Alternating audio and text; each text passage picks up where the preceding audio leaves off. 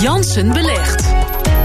Over de koersen gesproken, Rob. Uh, ja, we weten allemaal dat uh, het vorige week niet zo best ging op de beurs. Aandelen hard onderuit. Ja. Ben je nou inmiddels alweer ingestapt? Want je bent eigenlijk met een nieuwe ronde begonnen. Ja, de, de, Voor de mensen die het gemist hebben. Ik beleg 10.000 euro.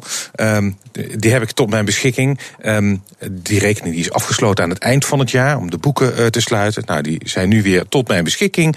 Um, je hebt het nog niet uitgegeven? Ik heb het nog niet uitgegeven. Het ging vorige week wel heel erg hard. Bijna 6% eraf van de AEX. In Wall Street ging het nog harder naar beneden. Ja. Instappen op het dieptepunt, uh, Rob, Ja, wel op het dieptepunt. Aan de ene maar wanneer komt dat? Juist, dat is de lastige vraag. Hè.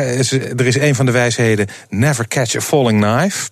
Um, hmm. Dus uh, oppassen. Maar ja, er gaat nooit een belletje op de bodem. Is dit, hè, die hogere standen die we nu zien. Uh, mooi zijn. Ja, even maar alle beursclichés gooi ik er maar meteen ja. even in is die, die opleving van vandaag van 1,3 procent, is dit uh, nou ja, uh, begin van de stijging? Of zakt het nog verder? Ik denk eerlijk gezegd dat de rente nog verder gaat oplopen, omdat de inflatie wat verder zal oplopen, zeker in Amerika. En dat zal druk geven op aandelen. En daarom denk ik dat, het, dat de komende maanden, nou nee, de komende weken wil ik nog wel even zien uh, wat er gebeurt. Ik zal niet zo lang wachten uh, tot een eerste belegging. Maar ik denk dat het, ik denk dat het sentiment nog wel eventjes wat negatief is. Ja. ja. Ja, ik had het er vanmiddag met jou over. Van ja. Misschien moet je niet een analist bellen voor advies, maar moet je een psycholoog bellen. Want daar gaat het hier eigenlijk ook om, toch? Ja, wanneer ja. moet je instappen? Wel, wat is het moment? Je moet niet, je moet niet uh, bezwijken aan die druk. Uh. De, inderdaad. En je kunt je psyche maar heel moeilijk uh, uitstellen.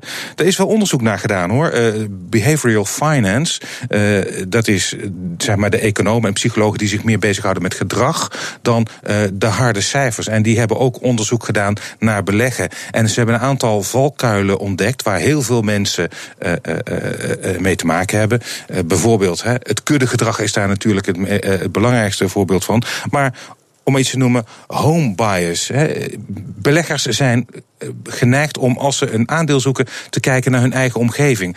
Bieraandelen bijvoorbeeld, hebben we toevallig kwam vandaag Heineken met cijfers, grootste daler in de AEX. Toch zullen Nederlandse beleggers eerder kijken naar Heineken dan naar uh, AB InBev, de grote concurrent, die het oh, misschien beter okay. doet, of Carlsberg. Ja. Als mensen, als beleggers in een bank willen beleggen, zullen, ze, zullen Nederlandse beleggers eerder kijken naar ABN en ING. Dat misschien doet BNB Paribas het wel veel beter. Um, dus dat zijn allerlei valkuilen waar je uh, mee te maken hebt. Merk je dat ook bij jezelf, Rob, dat je investeert of belegt in bedrijven die dichter bij jezelf staan?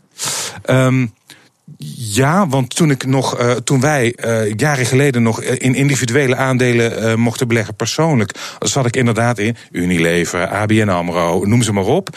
Um, in, in, als ik kijk naar wat ik vorig jaar heb gedaan, heb ik toch wel breed belegd, vooral met trackers. En dat waren portefeuilles die ook belegden, dus ook in Europese aandelen ja, bijvoorbeeld. Ja, ja, heb je nou wat aan het advies gehad van die valkuilen? Moet je meenemen voor de volgende? Uh, nou ja, het is moeilijk. Ja, ja ik, ik heb er wel iets aan gehad. Ik, misschien moet ik inderdaad veel internationaler kijken als ik in individuele aandelen, wat ik voor deze rubriek wel mag, toch uh, ook goed over de grens kijken. Volgende week meer. Dankjewel, Rob Jansen.